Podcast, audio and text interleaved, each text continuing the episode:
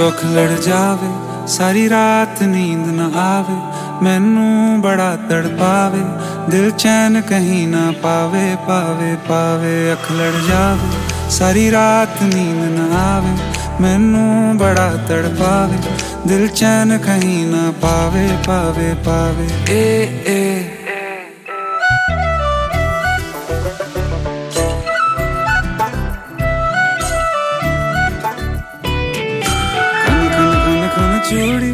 तेरी खन खन खन खन खन के रे, खन खन खन खन खन के।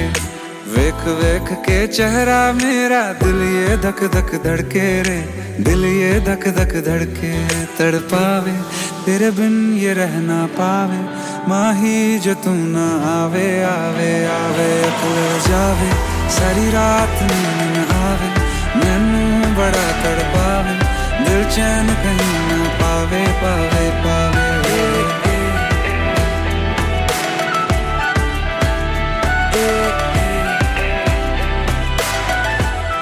música de Jovin Nautillal. Vamos a acercarnos al Himalaya y lo hacemos con un gran viajero como es Agustín Chaler. Él es de Castellón y en los últimos 35 años pues, se ha dedicado a viajar por todo el mundo, especialmente en la última década, en la que dejó su actividad principal, que es la arquitectura, dejó la arquitectura y se convirtió en un nómada y ha hecho grandes expediciones. La primera gran expedición fue la Ruta de la Seda durante 15 meses. Se fue desde Venecia hasta la Ciudad Prohibida. Y es que a Agustín Chalers también se le conoce como Marco Polo y entonces pues emuló a Marco Polo haciendo esta la Ruta de la Seda. El último viaje que ha realizado ha sido Latinoamérica, que también le ha llevado un año y se fue desde México. Además comenzó el Día de Todos los Santos, un día bastante popular allí en México, y terminó en la Antártida. Pero en esta ocasión le vamos a preguntar por el Himalaya, porque ha recorrido la cordillera del Himalaya por países como Pakistán, India, Nepal, Bután, Sikkim, las siete hermanas de India y estuvo además recorriendo durante tres meses el Tíbet. Le damos la bienvenida a Agustín Chaler. Muy buenas noches, Agustín. Pues buenas noches, Roge, y encantado de estar en tu programa. Tiene que ser extenuante, ¿no? Digo, porque tú como, eres, como viajero es que te tragas todo, ¿no? Kilómetros y kilómetros. Pues sí, mira, la verdad es que esta expedición Himalaya yo considero y, y tengo muchos amigos viajeros que es mi mejor viaje, el más completo y el que, el que más tiempo me llevó eh, prepararlo también y el más extenuante, acabé realmente muy cansado, pero realmente considero que es un hito importante porque no, no conozco ninguna persona que haya hecho todos los países del Himalaya a, a una parte y otra de la vertiente de la cordillera más alta del mundo y es un, un viaje que logísticamente es complejo. Sé que fuiste recibido por el Dalai Lama, pero ¿qué tipo de personajes has encontrado en este largo camino durante un año por el Himalaya? Bueno, claro, eh, vamos a ver, este viaje comenzó de oeste a este, en Pakistán, eh, básicamente comenzó en Lahore, que, que, creo que es un lugar muy, muy, muy imprescindible, de la capital mogola por antonomasia, subí toda la Karakorum y llegué pues hasta hasta el valle de Skardú, donde está el Nanga Parbat, el K2, todos esos grandes colosos, y donde se juntan las tres cordilleras, el Hindu Kush y eh, el Himalaya y los Pamirs, y realmente pues es un lugar bastante mítico viajero y de difícil acceso. Bueno, todo el mundo conoce la Karakorum, es muy complicado. ¿Y lo del Dalai Lama, que fue ya en Dharansala? Sí, ya luego Cuando entraste me, en India. Me desrecorrí toda la Karakorum otra vez en un viaje que es el peor que he hecho en mi vida, 56 horas en un autobús, eh, bajando toda la Karakorum por unos precipicios increíbles y bueno, pasé la famosa frontera de Wagah Border, eh, la más militarizada del mundo, entre Pakistán y, y India, y bueno, estuve en Amritsar, donde están los, los Sikhs, en el famoso Golden Temple, viviendo con ellos dentro, y tuve la posibilidad de ir a Dharamshala, conocía de otros viajes a, a la, a la Secretaría del Dalai Lama y bueno, tuvimos la suerte de que estaban haciendo unas, unos teachings o unas enseñanzas para un grupo de gente y el último día pues nos recibió su santidad el Dalai Lama y bueno, estuvo bastante amable con, con todos, ¿no? Luego continuaste el viaje, pero mira, esa primera parte, claro, tiene tanto esto de Pakistán, de recorrer la Karakorum Highway, de estar por valles del norte de, de Pakistán, como el- los valles de Unza. Correcto. Allí Y- estuve Estuve en, en la última población, digamos, del Valle de Unza, que sería Juché. Eh, al K2 se puede hacer el trek desde Ashol o desde o desde Juché. En Juché pues vive Little Karim, famosísimo Sherpa mundial que ha subido con, con Messner, con Edurne, con Oyarzábal, con todos los mejores y es una persona que el otro día estuve hablando con mis amigos y está ahora eh, casi en la última etapa, en el último repecho del cielo, ese cielo que, ha tocado tantas veces, pues bueno, un poco dedicarle a él y la verdad es que es un lugar mágico, el, el Valle de Ujunza, la gente es muy hospitalaria, y es unos paisajes yo creo que son los mejores del planeta. Dicen que en el Valle de Unza viven las personas, no sé si las más longevas del mundo, que también dicen que hay en Japón en algunos lugares, pero sí que viven muchos años. Muy famoso por eso. No sé si debe ser eh, la gastronomía local, el modo de vida, el tempo, la, cómo ellos afrontan los problemas, pero son gente que siempre tienen una sonrisa permanente y realmente sales de allí con una felicidad interior que te dura bastantes días y, que la necesitas para, para, para deshacer el camino de la Karakorum.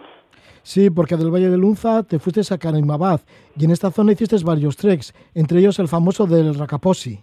Sí, sí, el Rakaposi, que es una montaña que mm, realmente, bueno, es un coloso también, pero no es tan alta como los 8000, pero es un lugar que ha muerto mucho montañero, le tienen mucho respeto y que a los profesionales pues les sirve eh, para, para entrenar. También hay unas fortalezas del Baltistán que son espectaculares y bueno, unos paisajes bellísimos, la verdad. ¿Estuviste por el valle de Escardú, también por el valle de Jusue? Pues sí, sí, sí, estuve en el de Osai también, plató, que se sale desde Escardú y se puede llegar hasta incluso a las Fairy Meadows, hasta el campo base del Nanga Parbat y la verdad es que es el segundo, la segunda meseta más grande del mundo, después de la tibetana, eh, un lugar que tiene una fisonomía, una, una, una, vegetación exuberante eh, tibetana y bueno, la verdad es que es, una, es increíble estar en, en, aquellos lugares del mundo, ¿no? Sí, porque allí está cerca el K2 y sí que has conocido en este largo viaje que ha sido por el Himalaya muchos de los 8000. Sí, sí, sí. Bueno, en los campos base he estado en casi todos.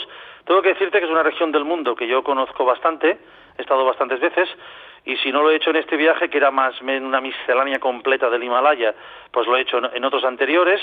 Y bueno, sí, la verdad es que yo creo que Pakistán, creo recordar, tiene 5 ocho miles. El resto están entre, eh, entre Nepal y China. Eh, pero bueno, los 5 ocho miles de Pakistán son colosos impresionantes, ¿no? El Gashembrun, el Brad Peak, el, el Nanga Parbat, el, el, K2, son, son montañas muy, muy peligrosas. ¿eh? ¿Cómo has hecho la combinación entre las caminatas a los campos bases con moverte de un lugar a otro? Digo, porque habrás utilizado mucho el transporte público. Bueno, sí, en, en, en, esos valles eh, de Pakistán, en concreto, igualmente que en el norte de la India, pues todo se mueve por unos jeeps viejos, unos, unos 4x4 muy viejos que ponen toda la carga arriba, todas las bombonas, cualquier cosa, son ciudades muy muy remotas y pues nada, todos son pistas de, tierra, eh, es decir, un, desplazamiento de 100 kilómetros te puede costar fácilmente 6-7 horas, eso si no hay derrumbes por el camino. Una vez en la India, ya has comentado, ¿no? Que fuiste a San Rizar, el templo de, Ora, de oro, perdón, en donde está la religión Sikh. Estuviste en Dharamsala con el Dalai Lama. Luego inclusive llegaste a Srinagar, que es la capital de la Cachemira de la India. Pues sí. Y ahí te alojaste en los famosos... había estado antes. Sí, el lago Dal, ¿no? Con los houseboats. Son los houseboats, que son una, una cosa bastante increíble, los famosos shadus de las cuevas de, de Amarnat. Y bueno, ya enfilé toda la carretera norte de la India, que transcurre básicamente por los valles de Zanskar y, y Ladakh, hasta llegar a Leh, con, con unos monasterios fantásticos, entre ellos mi favorito, la Mayuru, que tengo alguna historia muy bonita. Sí, porque te, te, recontraste con un lama, ¿no? 20 años después. Sí, sí, sí. Eso fue uno de los momentos más emotivos de todos mis viajes. Es decir, yo fui uno de los pocos que entró hace como 20, 25 años en la Mayuru y bueno, fui con un camionero hindú por aquellas carreteras de muerte, me dejó y dijo, usted camine 7 kilómetros y vaya que eh, al lado de un precipicio está el monasterio de la Mayuru. Y bueno, yendo para allá, pues me encontré un niño pequeño que llevaba pues pues una, un saco de, excrementos de, de yak, ¿no? Que usan para combustible y esto. Y bueno, le tiré una foto, una foto y, y esa foto pues yo la conservé a través de los años, ¿no? Era mi primer contacto con esa región del mundo y pues nada más y nada menos que 20, 22 años después, pues yo fui a Isla Mayuro, pregunté por el lama más anciano y le mostré la foto, dije, es la única persona que puede reconocer a, este niño, o, o si no es él mismo, se va a reconocer. Y él llamó a tres lamas ya adolescentes, 24, 25 años, y sí, sí, uno se reconoció y, yo me, me llené de emoción, casi me puse a llorar, él también. Y entonces, bueno, la verdad es que nos abrazamos mucho rato y no nos creíamos que nos habíamos encontrado 22 años más tarde, ¿no? Ya, qué momento más emocionante, ¿no? ¿Qué es lo que te deparaba el destino, ¿no? Y ese viaje, encontrarte con una persona 20 años después. Y claro, un abrazo que os ha unido como hermanos, quizá. Pues sí, sí, yo intenté, bueno, por todos los medios imprimí la fotografía, se la dejé, debe estar por alguna sala de La Mayuro, eh, que me tocó el corazón cuando fui hace 20 años y ahora, ¿no? Y bueno, pues fui descendiendo hacia, hacia Le, y ya pues viendo todos los monasterios, Likir, Vasgo, que me parece espectacular, Rizón, claro, yo soy arquitecto y cuanto más arquitectura, más arriesgada esos grandes monasterios, eh, pues para mí son muy interesantes, ¿no?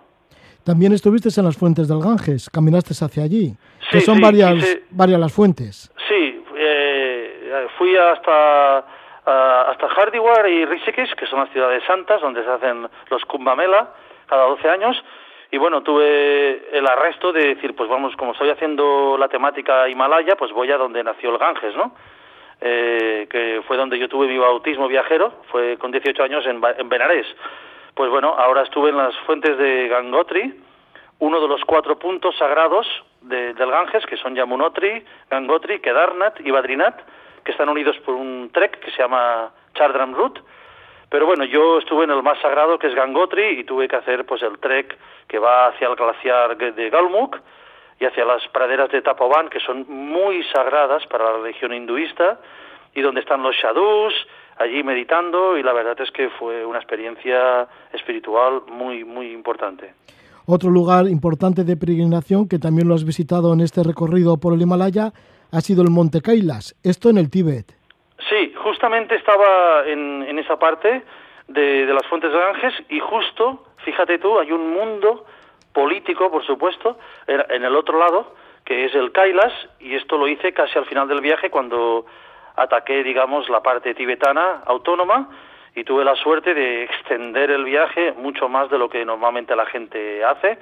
Entonces pude hacer la cora con todos los, tibetanos de, del lugar porque tengo que decir que la cora la hacen los, los lugareños de, que estén cerca del Kailas, no dan facilidades de desplazamiento para gente de, de Lhasa, y sin embargo los que viven en, en, el Kailas no pueden ir a Lhasa. Fíjate que un extranjero se puede mover más o menos libremente. Esto de la Cora, bueno, es la peregrinación que circunvala el monte sagrado de Kailas.